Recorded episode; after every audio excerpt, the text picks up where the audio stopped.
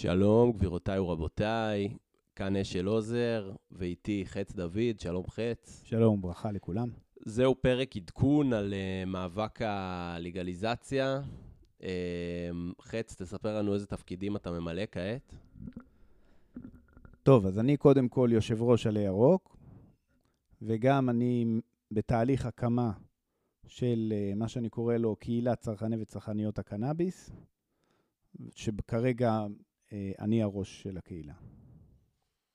אוקיי, okay. אז בעצם uh, בוא קודם כל ניקח את המאזינים והמאזינות uh, ונפרוס בפניהם את uh, מה קורה כרגע עם חוקי הקנאביס בארץ. זאת אומרת, הממשלה החדשה קמה, אנחנו כולנו ציפינו שעל פי ההבטחות שלהם הם יעבירו חוק לגליזציה. לא נצטרך uh, להתעסק בכל הדברים האלה ולפרוט אותם לכל מיני uh, פרוטות. אבל מאחר והחוק הזה לא עבר, אז uh, בעצם המאבק, uh, היום אנחנו נדבר על ארבע נושאים שונים. ארבע נושאים שהם אחד. ארבע נושאים שהם אחד, זאת אומרת, בגלל שחוק הלגליזציה לא עבר, אז מנסים לעשות כל מיני מאבקים קטנים וספציפיים בשביל לשנות את המצב. אז uh, בקצרה אני אזכור אותם. אחד זה הקנאביס הרפואי. כן. השני זה בג"ץ הקנאביס, הבג"ץ נגד הפללת צרכני קנאביס. כן. השלישי זה הניסיון אה, לבטל רישומים פליליים דרך סמכותו של שר המשפטים. כן. והרביעי זה בעצם המצב שקורה עכשיו, שתקנות ארדן, מה שנקרא... חוק הקנסות. חוק הקנסות, החוק שגלעד ארדן העביר, שבו אה, מי שנתפס עם קנאביס מקבל קנס במקום להיעצר, מתבטל, בגלל אה, שהתוקף שלו פג. בדיוק. אז אה, ממה אתה תרצה להתחיל? אז בעצם בואו נתחיל בנושא של הקנאביס הרפואי. אוקיי. הקנאביס הרפואי זה, למעשה זה נושא ממש נפרד. עד היום הקנאביס הרפואי בישראל התנהל בלי חוק. כלומר, אין הסמכה חוקית לעשות, אה, הסמכה חוקית מפורשת לעשות אה, קנאביס רפואי, אבל זה התבצע באמצעות איזשהו מסלול חוקי שרק ישראל מכל העולם השתמשה בו, כהחלטת ממשלה. בעצם הכל תחת הסמכות של המנהל בפקודת הסמים, שזה מונה לתפקיד מנהל היקר. אוקיי, היקר זאת בעצם יחידה לקנאביס רפואי שקיימת במשרד הבריאות, ומאז הקמתה היא מנהלת את uh, נושא הקנאביס הרפואי על פי כל מיני שיקולים שלה. עכשיו, הכוח של מנהל היקר היום הוא למעשה כוח אינסופי, הוא יכול לעשות מה שהוא רוצה. בהינף אצבע הוא יכול להפוך אה, מישהו בתעשיית הקנאביס לעבריין, לפושע ולזרוק אותו לכלא. זאת אומרת, הוא יכול להחליט מי יכול לייצר קנאביס רפואי, איזה מחלות מגיע להם קנאביס רפואי אה, וכולי, וכל זה כאילו מחוץ להישג ידם של חברי הכנסת. הוא יכול להחריג אנשים, להוסיף אנשים, מה שבא לו הוא יכול לעשות, וכל דבר שהוא עושה, מיד, שהוא מחליט שאסור לעשות, מיד הופך לעבירה פלילית של 20 שנות מאסר. אוקיי, אז uh, מה בעצם uh, קורה עכשיו?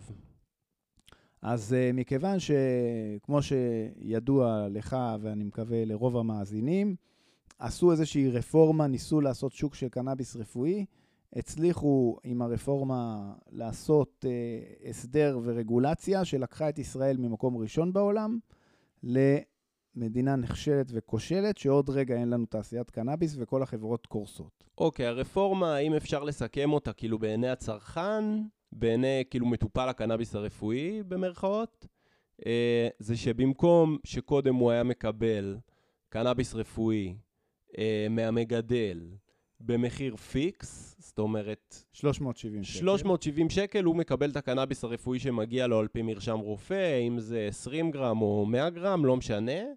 העבירו את זה למצב שבו פירקו את שוק, שוק הקנאביס ליצרנים, חקלאים, בתי מרקחת, מפעלים, כל מיני מוסדות כאלה, ועל כל שקית של 10 אה, גרם, הצרכן צריך לשלם עכשיו 300 שקל בערך. כן, בוא נגיד שהמחיר הממוצע הוא פלוס מינוס 220, 230, ויש לך מוצרים ב-150 ויש לך גם ב-300 פלוס. זאת אומרת שבן אדם שקודם היה משלם 300, היום הוא ישלם בין 400 ל-2,000. כן. אה, אוקיי, ומה קורה עכשיו? אז uh, מה שקורה עכשיו זה שיש ניסיון להס... להסדיר את זה בחקיקה. ברגע שמסדירים את זה בחקיקה, אז הכוח של היקר יורד, הוא לא יורד הרבה, אבל הוא יורד, וזה נותן לכנסת ובעצם לציבור איזושהי יכולת לשנות גם עכשיו וגם כלפי העתיד את הסדרי הקנאביס הרפואי בפעם הראשונה. כלומר, זה הופך את הכנסת לשחקן רציני לא פחות ממשרד הבריאות. אוקיי, ומי מנסה לקדם את השינויים האלה? אה, מי שעומדת אה, בראש המאבק לחקיקה הזו זה שרן השכל, שהיא עשתה דבר מבריק. היא הקימה בכנסת ועדה מיוחדת שדנה בחוק שלה. מדובר בחוק סופר מורכב שאין שום סיכוי להעביר אותו, אלא אם כן היא הייתה עושה את הוועדה הזו, והיא קיימה של, שלושה דיונים בשבוע, דנה, דנה, בלי הפסקה, אה, ב- בכל הפסיקים, וה- וה- ו- וכמובן על כל דיון כזה יש הקדמה של יומיים שאתה שולח. והתייחסויות ומתקשר ואומר לכל האנשים שייתנו לך תגובות והכל. בגלל שזאת הבירוקרטיה הנדרשת בחוק בהעברת חוק בעצם. בדיוק. ואז היא מכינה את החוק. החוק הזה הוא מורכב בגלל שהוא מתעסק בייצור, בשיווק, בהפצה, בכל מיני תקציבים, בקופות חולים, בכל מיני דברים, נכון? נכון, וזאת בעצם, זה האתגר הכי גדול בחוק הזה, שאתה צריך להתנהל מול היקר, מול הרופאים, מול הרוקחים, מול, מול uh, תעשיית הקנאביס, מול תעשיית התרופות, מול קופות החולים, מול uh, הגומלים, מול כולם. וכל אחד מהם, מספיק שאחד יתנגד לך, מול המשטרה, מספיק שאחד יתנגד לך, אין לך חוק. למה? למה הם יכולים להפיל את החוק? המשטרה לא, לא רוצה לקחת אחריות, או שהיא רוצה כסף, ואלה רוצים כסף, ואלה רוצים זה, ואלה רוצים זה, והאם רוצים שתכניס את החולים האלה, והם לא רוצים שתכניס את החולים. כל אחד יש לו את האינטרסים הכספיים, הפוליטיים, הכוחניים והאמונות שלו, שהוא פועל על פיהם. ואז מה, איך הם יכולים לעצור את החוק? על ידי יועצים משפטיים, או על ידי, אה, יש להם השפעה על חברי כנסת, או מה? גם יש להם השפעה על חברי כנסת ושרים. לדוגמה, המשטרה, יש להם שר שהוא שונא צרכני קנאביס, ולכן, אם הם מתנגדים למשהו, אז היה איזה קטע שעומר בר-לב והמשטרה התנגדו למשהו שקשור לעובדים, ורם שפע, שזה לכאורה תומך קנאביס, הגיע להתנגד בש... מטעם עומר בר-לב, והפיל את, ה... את הסעיף חוק הזה. ולכן, אני, מה שאני הצעתי, זה שלהבין... זאת אומרת, ש... רגע, לפני שתגיד מה, מה הצעת, אז אני אגיד שהשבוע בעצם אה, החוק הזה, אה, יצאו סרטונים, ש... בעצם ברגע האחרון, בישיבה האחרונה שהייתה אמורה לסגור את החוק בוועדה, נכון? לפני הגשה, אני צודק? כן. הגיעו קופות החולים, והם אמרו שהם צריכים עוד כסף כדי להעביר את החוק, ויצאו כל מיני סרטונים של אה, באמת מטופלי קנאביס אה, מאוד נרגשים, ושרן השכל אה, דמעה גם. כן, קופ, קופות החולים החליטו להחריג את הפוסט-טראומה והכאב מההסדר הזה. מכיוון שהם מעדיפים שזה יישאר במשטר הרישיונות, כי שם הם מרוויחים יותר כסף. זאת אומרת, ההסדר הוא שרופא, כל רופא יוכל אה, לרשום את זה, נכון? כל רופא מומחה. כל רופא מומחה. עכשיו, זאת אומרת, מה שקרה זה שקופות החולים הגיעו ואמרו, אנחנו רוצים עוד כסף. עכשיו, בוא תספר לנו מה אתה אמרת בישיבה הראשונה של הוועדה הזאת. כן, אז כמו שאני ניתחתי את זה, אני אמרתי, תקשיבו, אין כוח, אין לנו כוח. מבחינת מיקוח, אין לנו עמדת מיקוח פה בתוך, בתוך הוועדה. כל דבר שהרוקחים האלה, כל דבר שהרופאים האלה, הכל, כל מה שהמשטרה, ותרו להם על הכל, תנו להם הכל. תנו להם הכל, מה הם רוצים? מיליון, עשר מיליון, מאה מיליון, הכל תנו להם. תוותרו להם על הכל. גם אם החוק הזה יצא פחות טוב, תוותרו, כי אין עמדת משא ומתן, אין עמדת ויכוח, כל אחד מהם יכול להפיל את כל החוק, אבל אני לא אומר לתת להם את זה לנצח, אני לא אומר שאני ותרן לנצח, כי עצם קיומו של החוק מאפשר עכשיו לשנות את הדברים אחד-אחד. עכשיו אתה יכול לעשות שינוי אך ורק מול, כאילו מול המשטרה, שהשאר לא אכפת להם. אז אם אתה רק מול המשטרה וכולם תומכים בך, אז אתה יכול לעשות את השינוי למשטרה. זה הפרד ומשול כזה. אחרי זה אתה יכול לעשות שינוי רק מול הרוקחים. אחרי זה אתה יכול לעשות שינוי רק עבור המטופלים האלה. אז באמת עשו ניסיון לעשות את החוק הכי טוב. החוק הזה, אין בו הרבה הרבה הרבה בשורה, אבל יש בו בשורה משמעותית מאוד, שהוא הבסיס, הוא התשתית, שעל סמך התשתית הזו נוכל לעשות שינוי-שינוי, נקודה-נקודה, ולשנות את הכל במהלך של איזה שנה וחצי, שנתיים. זאת אומרת, הכוח עובר, מה שנקרא, לכנסת לנציג העם. בדיוק, במובן מסוים, הכוח אוקיי, עובר... ומה קורה עם זה? והחוק הזה, בגדול, הגיעו לנוסח מוסכם, שעבר בוועדה של שרן השכל. עכשיו זה צריך לעלות לקריאה ראשונה. אני לא יודע אם זה יעלה השבוע או לא יעלה השבוע, אבל בכל אופן, אה, זה צריך לעלות לקריאה ראשונה. אחרי קריאה ראשונה זה הולך לעוד כמה דיונים לא מורכבים, ואז זה יעלה קריאה שנייה ושלישית. זה יכול לעבור בטווח זמן של חצי שנה, מכיוון שעכשיו אנחנו נכנסים לפגרה של איזה חודשיים, משהו כזה, בכנסת, ואחרי החודשיים פגרה, אז יש לך עוד מושב של הכנסת, ובמושב הבא זה יכול לעבור. תיאורטית, אה, יש לזה פוטנציאל לעבור. אוקיי, okay, זה נושא הקנאביס הרפואי. עכשיו נעבור לנושא אה, הקנאביס אה, לצריכה אישית שאינו רפואי, אה, הפללת צרכני הקנאביס וכולי. אז הנושא הזה בעצם, אה, יש פה שני עניינים, אחד זה הבג"ץ, שלוש, אחד זה הבג"ץ, השני זה הביטול של אה, תקנות ארדן, ושלוש זה עניין הרישומים הפליליים. בוא תגיד לי איך הדברים האלה קשורים אחד לשני. כן, אז קודם כל, בואו נתחיל בכך שאנחנו הגשנו בג"ץ. בבג"ץ אמרנו, תקשיבו... מי זה אנחנו? אה, אני הגשתי את הבג"ץ עבור אורן לייבוביץ', ממגזין כן. קנאביס. והטענה שלנו היא הטענה הבאה. פעמיים אנחנו כבר הגשנו את הבג"ץ הזה בעבר, ובית המשפט דחה אותנו ואמר לנו, תראו, הכנסת והממשלה אומרים שהם רוצים לתקן את זה, אז בואו ניתן להם, עזבו אותי. ודחה אותנו על הסף. שזה תקדים, מעולם לא קרה במדינת ישראל, שדחו על הסף עתירה כזאתי, בלי לדון בה ובלי... קורה שבית המשפט משהה את ההחלטה שלו ונותן זמן ונותן זמן. אני, זה מה שחשבתי שיקרה. לא דמיינתי שבית המשפט ידחה אותנו על הסף, כי זה לא הגיוני. אוקיי, okay, זאת אומרת, אבל הבית משפט, בקצרה נגיד שבפעם הראשונה הוא דחה אותך, אה, בעצם זה היה לפני בחירות. בפעם השנייה הוא דחה אותך בגלל אה, שקמה הממשלה החדשה, והיא כביכול אמרה שהיא תעביר חוק לא, אה, בפעם הראשונה הוא דחה אותי כי הממשלה אמרה שהיא שהיא תעשה לגליזציה. כן. בפעם השנייה הוא דחה אותי כי היה בחירות בדיוק, אז הוא אמר, אה, עוד לא אין ממשלה, אז למה אתה אומר שכאילו זה נפל? כן, ואחרי שנפל החוק בממשלה הזאת, הגשת שוב את הבג"ץ. בדיוק. אה, מה המדינה ענתה? המדינה ענתה את הדבר הבא, ופה אתה תבין איך זה מתקשר לשאר הדברים. המדינה ענתה את הדבר הבא. אחד, תקנות ארדן הולכות להתבטל בראשון לאפריל, ובכוונתנו להביא משהו אחר. המדינה אמרה. יש לנו איזה שהן כוונות לעשות משהו אחר, לעשות קנסות, לעשות ככה, לעשות אחרת. מכיוון שאנחנו לא יודעים מה יקרה, אז עוד מוקדם לדבר, אוקיי? ואני, וכמובן שהמדינה אמרה, תנו לנו לדון בזה ושבג"ץ לא יתערב. ואני ראיתי את התגובה של המדינה, וכתבתי לבג"ץ בקשה. אמרתי, אני מבקש לדון בנושא בהרכב מורכב, אה, בהרכב מורחב. מה זה הרכב מורחב בבית המשפט העליון? בדרך כלל דנים בכל עתירה שלושה שופטים. ואני אמרתי שמכיוון שיש פה אה, נושא מאוד מרכזי, מאוד משמעותי, לא רק שאני דן פה מהותית בהפללה של 100 שנה, שאני טוען שזה פשע נגד האזרח, שזה מנוגד לחוק יסוד כבוד האדם וחירותו, הפרה אלא? הפרה סיטונאית. אלא יותר מזה, בית המשפט פעמיים דחה את העתירה בלי לדון בה.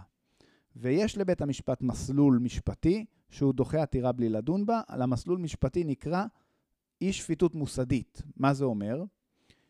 יש תמיד את הדיון הכל שפיט. אתה מכיר את המשפט הכל שפיט? כן. מה זה הכל שפיט? הבית משפט קבע את הדבר הבא: כל מעשה שאתה עושה בחיים שלך, אתה יכול לתאר אותו במונחים משפטיים. יש מונחים משפטיים ספציפיים, חוק אה, ככה וככה, ויש מונחים משפטיים כלליים, ערכיים, כמו חופש לנסוע, חופש לנוע, כן? אתה יכול לתאר כל מעשה בחברה במונחים של החופש לעשות ככה והזכות לעשות ככה, באופן כללי. ולכן אתה יכול לדון בכל נושא רציונלית על פי עקרונות משפטיים. זה שפיטות נורמטיבית, ובית המשפט בא ואמר, כל נושא אני יכול לדון בו, אוקיי? אבל יש נושאים שעדיף שאני לא אדון בו, כי בתכלס, עדיף להשאיר את זה. לכנסת זה לא ראוי שבית משפט, שזה בתכלס זה איזה חבורה של שופטים שהם לא נבחרו בעצם. כן, אז יש, אז יש מקרים ש, שבית המשפט דן בעצם הזכות שלו לדון. בדיוק. כמו במקרה הזה. אז, אוקיי. ואני וה... באתי ואמרתי שבמקרה הזה, בית המשפט בישראל דן בדברים שהם ממש לא ראוי לדון בהם לפעמים. הוא דן בדברים שלא ראוי לדון בהם. הוא דן האם חבר כנסת רשאי להמליץ על חבר כנסת אחר אה, אה, אה, לראשות הממשלה, אחרי שהבחירות עסקו בלבחור את אותו חבר כנסת לראשות הממשלה, כן? זה, זה פשוט לא יאומן שבית משפט מעז להתערב בדבר כזה. זה ממש שנייה אחרי הבחירות לשנות את תוצאת הבחירות. איך אני יכול לדון בזה, בית משפט? זה... ובית משפט דן. דן בדבר הזה. אז אתה אומר, אם הוא דן בדבר כזה, אז uh, בטח שהוא צריך לדון בעניין הקנאביס. תחשוב, הקריטריון שבית המשפט קבע זה הקריטריון הבא. האם ראוי לדון בנושא? אז אני שואל אותך, אני בא לבית משפט, אזרח, אומר נציג של קהילה של מיליון אנשים, מיליון 200, מיליון 300 איש, אה, אלף איש, ואני בא ואומר לבג"ץ, תראה, יש לנו בקהילה, יש חוקים שפוגעים בנו בניגוד לחוק יסוד כבוד האדם וחירותו, כלומר, יש פה שערורייה חוקתית מטורפת. מטורפת, שלוש שנות מאסר על שימוש עצמי. איך זה יכול להיות? איך הדבר הזה יכול להתקיים? זה לא יכול להתקיים. זה מה שאני טוען, אוקיי? האם בג"ץ יכול להרשות לעצמו לומר, שמע, לא ראוי שאני אדון בדבר כזה, אז מה אם מפרים את הזכויות שלך? מה, זה התפקיד שלי, בג"ץ, לדון בהפרת זכויות יסוד של מיליון וחצי איש בישראל? זה לא תפקיד שלי. זה התפקיד, זה בדיוק לשם כך בג"ץ קיים. איך אפשר לומר שזה לא ראוי לדון בזה? אוקיי, ומה בג"ץ, אה, איפה זה עומד כרגע? אז בג"ץ שמע את, ה, את המדינה אה, מדברת, והוא אמר להם, תקשיבו, עד ראשון במאי, אני רוצה עדכון. מה, מה אתם הולכים להעביר, אם העברתם משהו, ואם לא העברתם שום דבר, אני אקבל החלטות, כולל בהחלטה להרחבת הרכב. כלומר, במונחים של עורכי דין, אנחנו רואים בזה איזושהי קריצה, קו נטוי איום למדינה, שאומר להם, אם אתם לא תעשו כלום, אני אדון בתיק ואני ארחיב הרכב. כאילו, זה, אני, אני אשקול את זה ממש ברצינות, כי הגזמתם. כן. אוקיי, איך זה מתקשר לנושא הפוליטי? אז אה, אה, מה שקורה זה שאני, כאמור, שני המטרות הראשונות מתוך חמש המטרות של המאבק, זה לבטל את הרישומים הפליליים על שימוש עצמי, כולל הרישומים הפליליים מהעבר. והמטרה השנייה זה להפסיק את ההפללה של הצרכנים. על מנת להשיג את שני המטרות האלה, אה, אז הדבר הראשון שעשיתי, אמרתי, אני מפריד ביניהם, וניסיתי להגיש הצעת חוק שהעונש על שימוש עצמי יהיה 80 ימי מאסר או 80 מלקות תמורתו. זה, זה הצעת חוק שרציתי לה, לה, להגיש אותה כאיזשהו, אתה יודע, טריק תקשורתי. והצעתי אותה לכמה חברי כנסת, ומישהו אה, אפילו רצה לקחת את זה, אבל זה הג'דעג'ע בינתיים. ו, והרעיון הוא שאם עבירה היא פחות משלושה חודשי מאסר, אה, אה, פחות משלוש חודשי מאסר, אז אין רישום פלילי. אז כל, וגם אין זכות חיפוש, אין כלום. זה פותר המון בעיות אם, אם היו מורידים את זה ל-80 יום. איזה חוק יש כזה למשל? איזה עבירה כזאת קיימת? יש כל מיני עבירות של חודש, לא כל כך אוכפים אותן. הבנתי. אז לא היו אוכפים את זה. ברגע שאתה מוריד את העבירה ל-80 ימי מאסר, לא אוכפים את העבירה. כאילו, אף שוטר לא יכול לעצור אותך, הוא לא יכול לעכב אותך, אין לו סמכות בכלל לקרוא. אוקיי, תוך כדי שעבדת על זה, מה גילית? ואז גיליתי שיש בחוק המרשם הפלילי, יש סעיף שמאפשר לשר המשפטים לקבוע שעבירה מסוג עוון, כלומר שהעונש שלה הוא עד שלוש שנות מאסר, לא תהיה פריט במרשם הפלילי.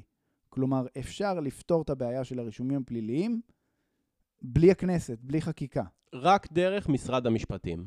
שר המשפטים צריך לשלוח להתייעצות, אפילו לא להסכמה, עם השר לביטחון פנים, ואז הוא צריך להעביר את זה לוועדת חוקה, שיש רוב מוחלט לקואליציה, ואם זה עובר בוועדת חוקה, אז uh, מתבטלים הרישומים הפליליים. זה ממש חדשות טובות. אף אחד לא חשב שזה אפשרי, שלחתי מכתב, הייעוץ המשפטי לממשלה עבר על זה, אמר, הבן אדם צודק, אפשר לעשות את זה. אוקיי. Okay. אה, גדעון סער רצה לעשות את זה, הודיע שהוא יעשה את זה, שלח את זה לעומר בר-לב, עומר בר-לב התנגד.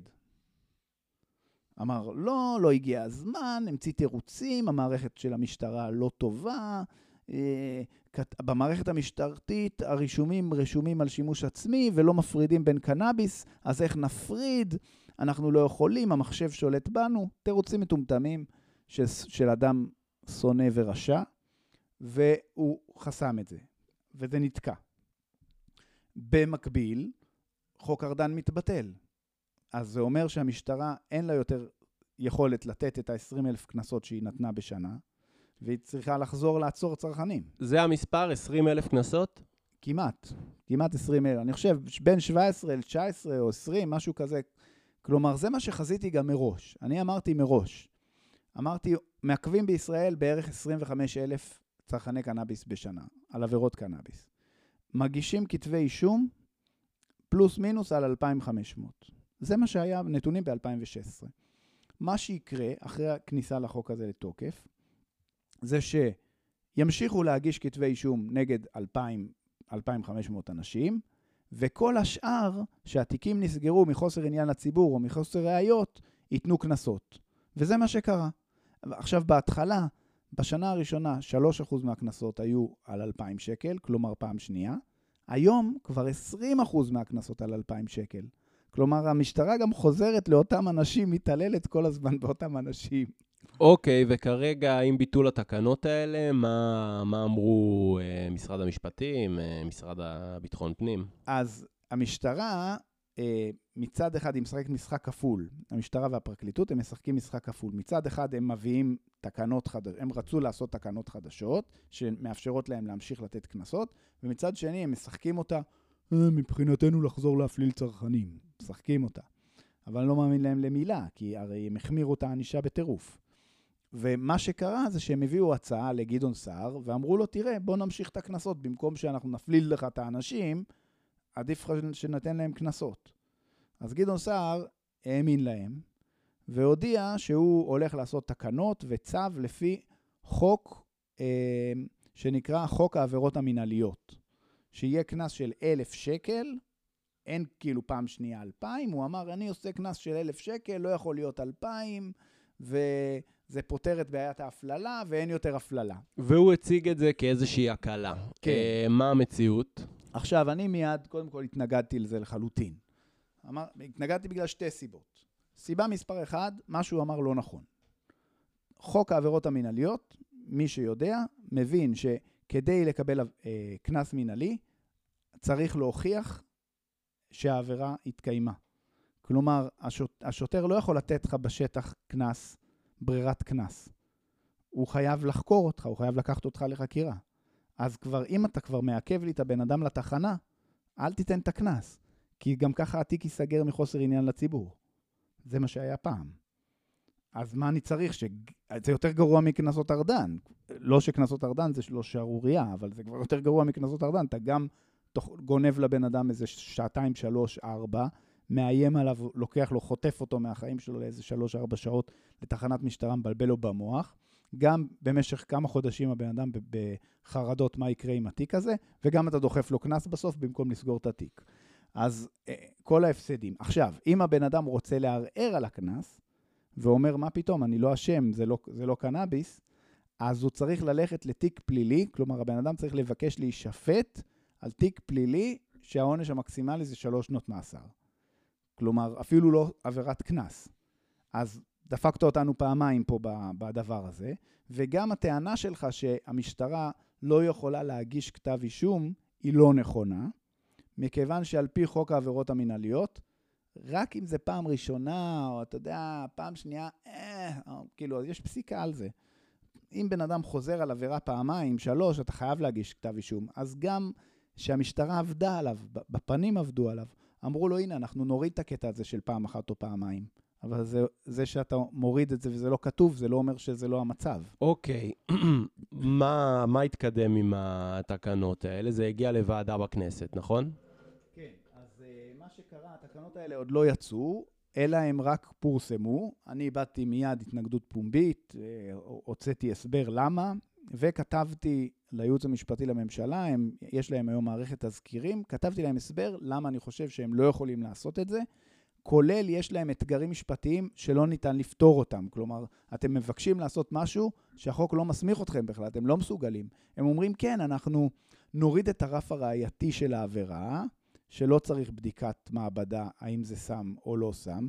אמרתי, אה, אז אתם רוצים לתת קנס מינהלי, בניגוד לחוק הקנסות המינהליים, שאין לכם הוכחה שזה עבירה, אבל אתם עדיין נותנים את הקנס המינהלי.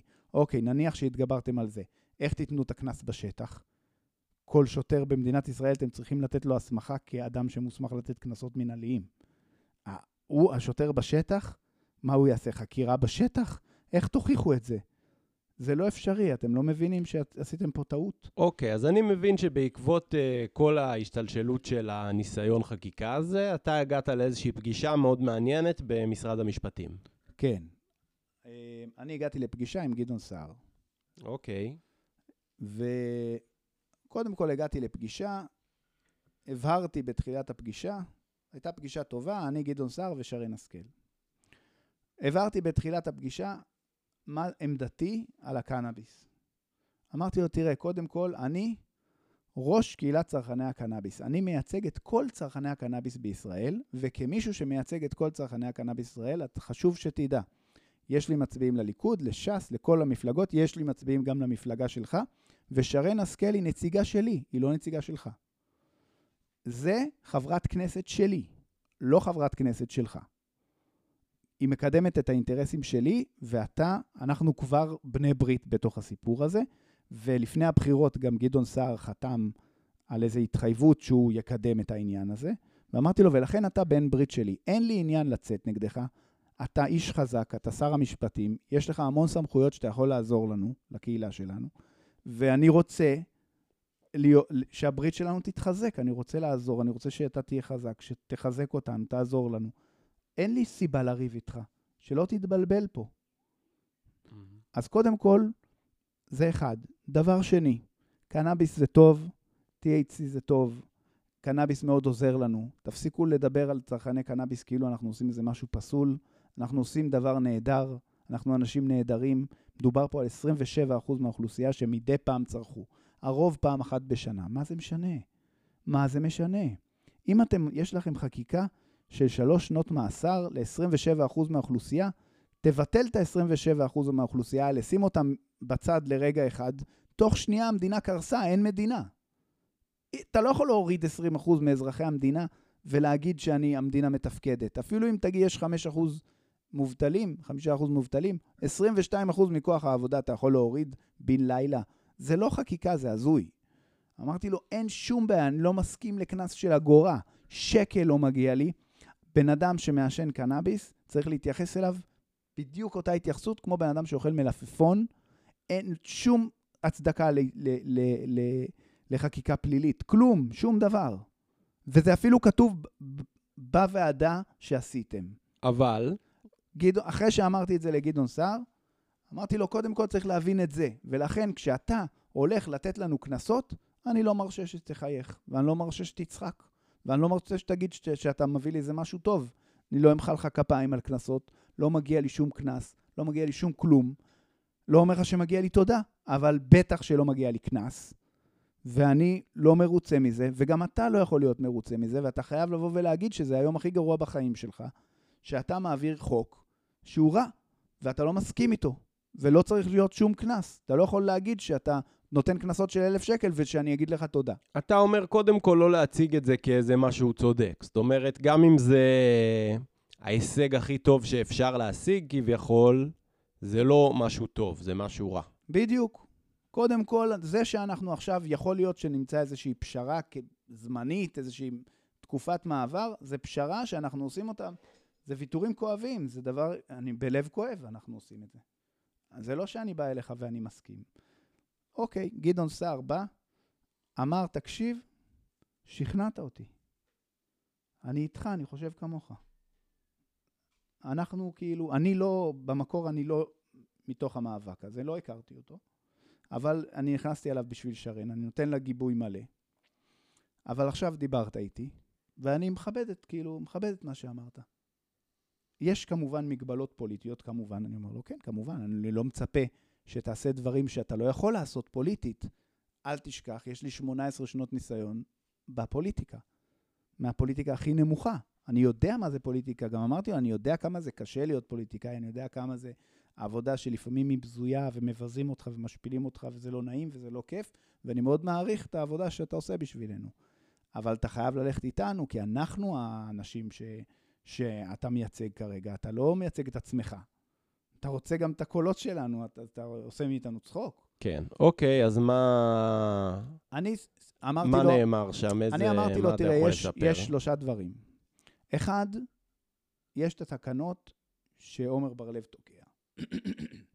שעומר בר-לב תוקע. התקנות למחיקת הרישומים הפליליים. כן. עומר בר-לב לא יכול לעצור אותך, אמרתי לו. הוא לא יכול. כי כל עשייה שלו איתי. מרב מיכאלי, אם היא תדע על הדבר הזה, היא תנזוף בעומר בר-לב. עד לרמה שהוא יכול לאבד את התפקיד שלו, את השרות. והוא גם הוא לא חבר כנסת לדעתי, אני חושב שהוא נורבגי. אז אם אתה לוקח את זה לוועדת חוקה בלי הסכמתו, ואתה לא חייב את הסכמתו, זה יעבור. ואני רוצה לראות שמישהו ממפלגת העבודה מתנגד שם. אני רוצה לראות שמישהו ממרץ מתנגד. אני רוצה לראות שמישהו מהקואליציה, בוועדת החוקה, יש לך רוב מוחלט לדבר כזה.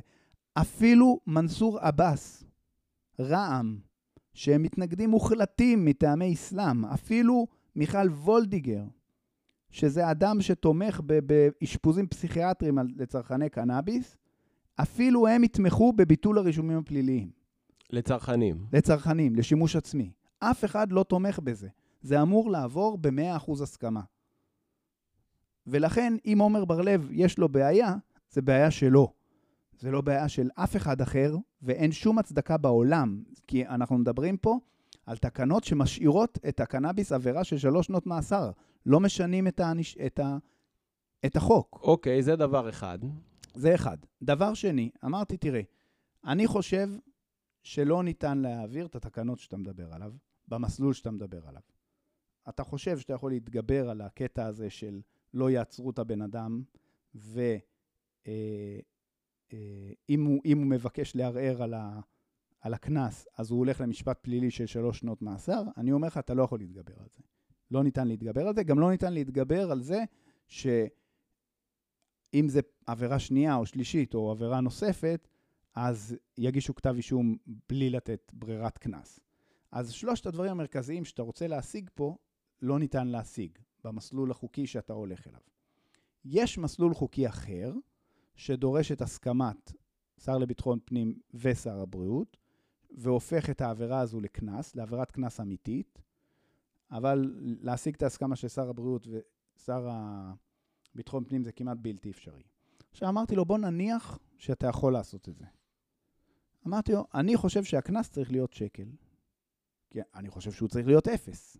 אבל אם אתה כבר אומר, אני חייב לתת לך קנס, אז שקל. עכשיו, אם אתה בא ואומר לי, תן לי משהו שאני יכול לחיות איתו, אז אני אגיד לך איזה עבירה היא דומה לקנאביס. עבירה שבתכלס הבן אדם לא פוגע באף אחד מלבד, באופן תיאורטי, אולי אם וכאשר יקרה משהו, אז יכול להיות שזה יגדיל את הסיכויים שהוא יפגע בעצמו, חגורת בטיחות. הקנס על חגורת בטיחות, 250 שקל. יותר מזה, גם זה מופרז. ואם זה בן אדם שהוא בבית שלו, ואפילו הוא לא מעשן, זה סתם תפסו את זה בארון, על מה? על זה לא מגיע אגורה. אבל נגיד, בן אדם מעשן ברחוב, למה עישנת ברחוב? 250 שקל בצדק, כאילו, וגם יכול לקבל 1,000 שקל קנס על עישון במקום פומבי. יאללה, אני לא מסכים, אני לא חושב שזה צריך להיות עבירה, אבל כשלב ביניים, לזה אני מסכים. וגדעון סער אמר, בוא נלך על זה, אבל מה אם אי אפשר? אז מה, אתה רוצה שלא נעביר? כאילו, מה אתה רוצה שיחזרו? המשטרה רוצה לחזור לה, להפליל צרכני קנאביס. אז אמרתי לו, הלוואי שלא תעביר את זה. כי מה יקרה? הבן אדם הראשון שהמשטרה תעצור אותו ותיקח אותו לחקירה במשטרה על שימוש עצמי, קודם כל זה כתבה בטלוויזיה. זה, זה יהיה כתבה בטלוויזיה. אם אחד או שתיים או שלוש, זה יהיה כתבה בטלוויזיה. כן. בכתבה הזו בטלוויזיה, גם אני וגם אתה, או כל מי שיעלה, אבל בטח אתה, אתה צריך לבוא ולהגיד את הדבר הבא. לא, אין מקום להפללת צרכנים במדינת ישראל, ואני אפנה ליועצת המשפטית לממשלה, כמו שקבוע, ב, יש הנחיית יועץ שקבועה, שאומרת שפעם ראשונה זה לא עבירה, כמו שהיועץ המשפטי לממשלה ב-53, חיים כהן, ביטל את העבירה של קיום יחסי מין שלא כדרך הטבע, הגיע הזמן לבטל את העבירה של שימוש עצמי בקנאביס. היועצת המשפטית לממשלה צריכה לקבוע שזה לא חוקתי וצריך להפסיק עם העבירה. ואנחנו נלחץ על היועצת המשפטית לממשלה. מדובר בבן אדם אחד, שגדעון סער מינה, שאומנם הוא לא מחויבת לו בשום קנה מידה, היא יכולה לעשות מה שהיא רוצה. בוודאי. אבל זה בן אדם שעשה כל החיים שלו במשפט האזרחי, לא תובעת, לא פרקליטה תובעת. יכול להיות שנמצא שם אוזן קשבת, נפעיל עליה לחץ ציבורי, נעשה עליה הפגנות, נעשה עליה הפגנות בבית, עד שהיא תשנה את זה. ואז אין הפללה בכלל. אז השגנו הישג הרבה יותר גדול. אז אמרתי לו, אז למה אתה רץ לה, לעסקה הכי גרועה שיש? עסקה גרועה, אומרים לה לא. לעסקה גרועה אתה יכול להסכים גם בעוד שלושה חודשים. חכה, בוא ניאבק. קהילת צרכני וצרכניות הקנאביס מוכנה לספוג כמה אנשים שיגנבו להם עוד שלוש-ארבע שעות בתחנת משטרה, כי המאבק שלנו הוא על ביטול מוחלט של כל הדבר הזה. אז זה שווה להיאבק. זו העמדה שלי. גדעון סער לא אישר שהוא הולך לכיוון הזה, אבל אני חושב שלא לא יהיה מניעה, אלא מכיוון שהתקנות אה, עבירות מנהליות לא מאפשר את מה שהוא רוצה, ואני חשפתי שם את הבלוף של הייעוץ המשפטי שעבדו עליו. אז אה, לא יכול לומר לך שאני אופטימי, כי המשטרה ממש נגדנו, והייעוץ המשפטי נגדנו, והפרקליטות נגדנו, וגם הם יודעים שאם הם לא מביאים שום דבר, בראשון למאי בית המשפט העליון אומר להם, חבר'ה, לא עשיתם כלום. אבל, וואלכ, יש מקום, יש איזשהו אור פה, וגדעון סער, אה, על פניו נראה שהוא רוצה לעזור לנו. זאת אומרת שאתה מתאר פה מצב, אם אני אסכם את כל העניין, שבלחץ אה, בית המשפט ובלחץ ביטול התקנות ובלחץ של פוליטיקאים ופעילים חברתיים, אמ, בחודשיים הקרובים יש כל מיני הליכים בנושא הקנאביס שיצטרכו להתברר. כן, ואם הדברים ילכו כמו שאני מקווה שהם ילכו, יכול להיות שאנחנו בעוד חודשיים נתעורר למציאות שאין הפללת צרכני קנאביס בישראל. ו- ומבטלים את הרישומים הפליליים על שימוש עצמי, כולל רישומים מהעבר, על צרכני קנאביס כרגע. ויש בוא... 42 אלף רישומים פליליים על שימוש עצמי, לא ידוע כמה מהם על קנאביס, כי המשטרה כמובן לא, לא בדקה. ההערכה הסבירה היא שמדובר בעשרות אלפים. עשרות אלפי אנשים, אנחנו הולכים למחוק להם את הרישום הפלילי. בואו נקווה שזה יקרה. תודה לך, חץ. תודה רבה. להתראות.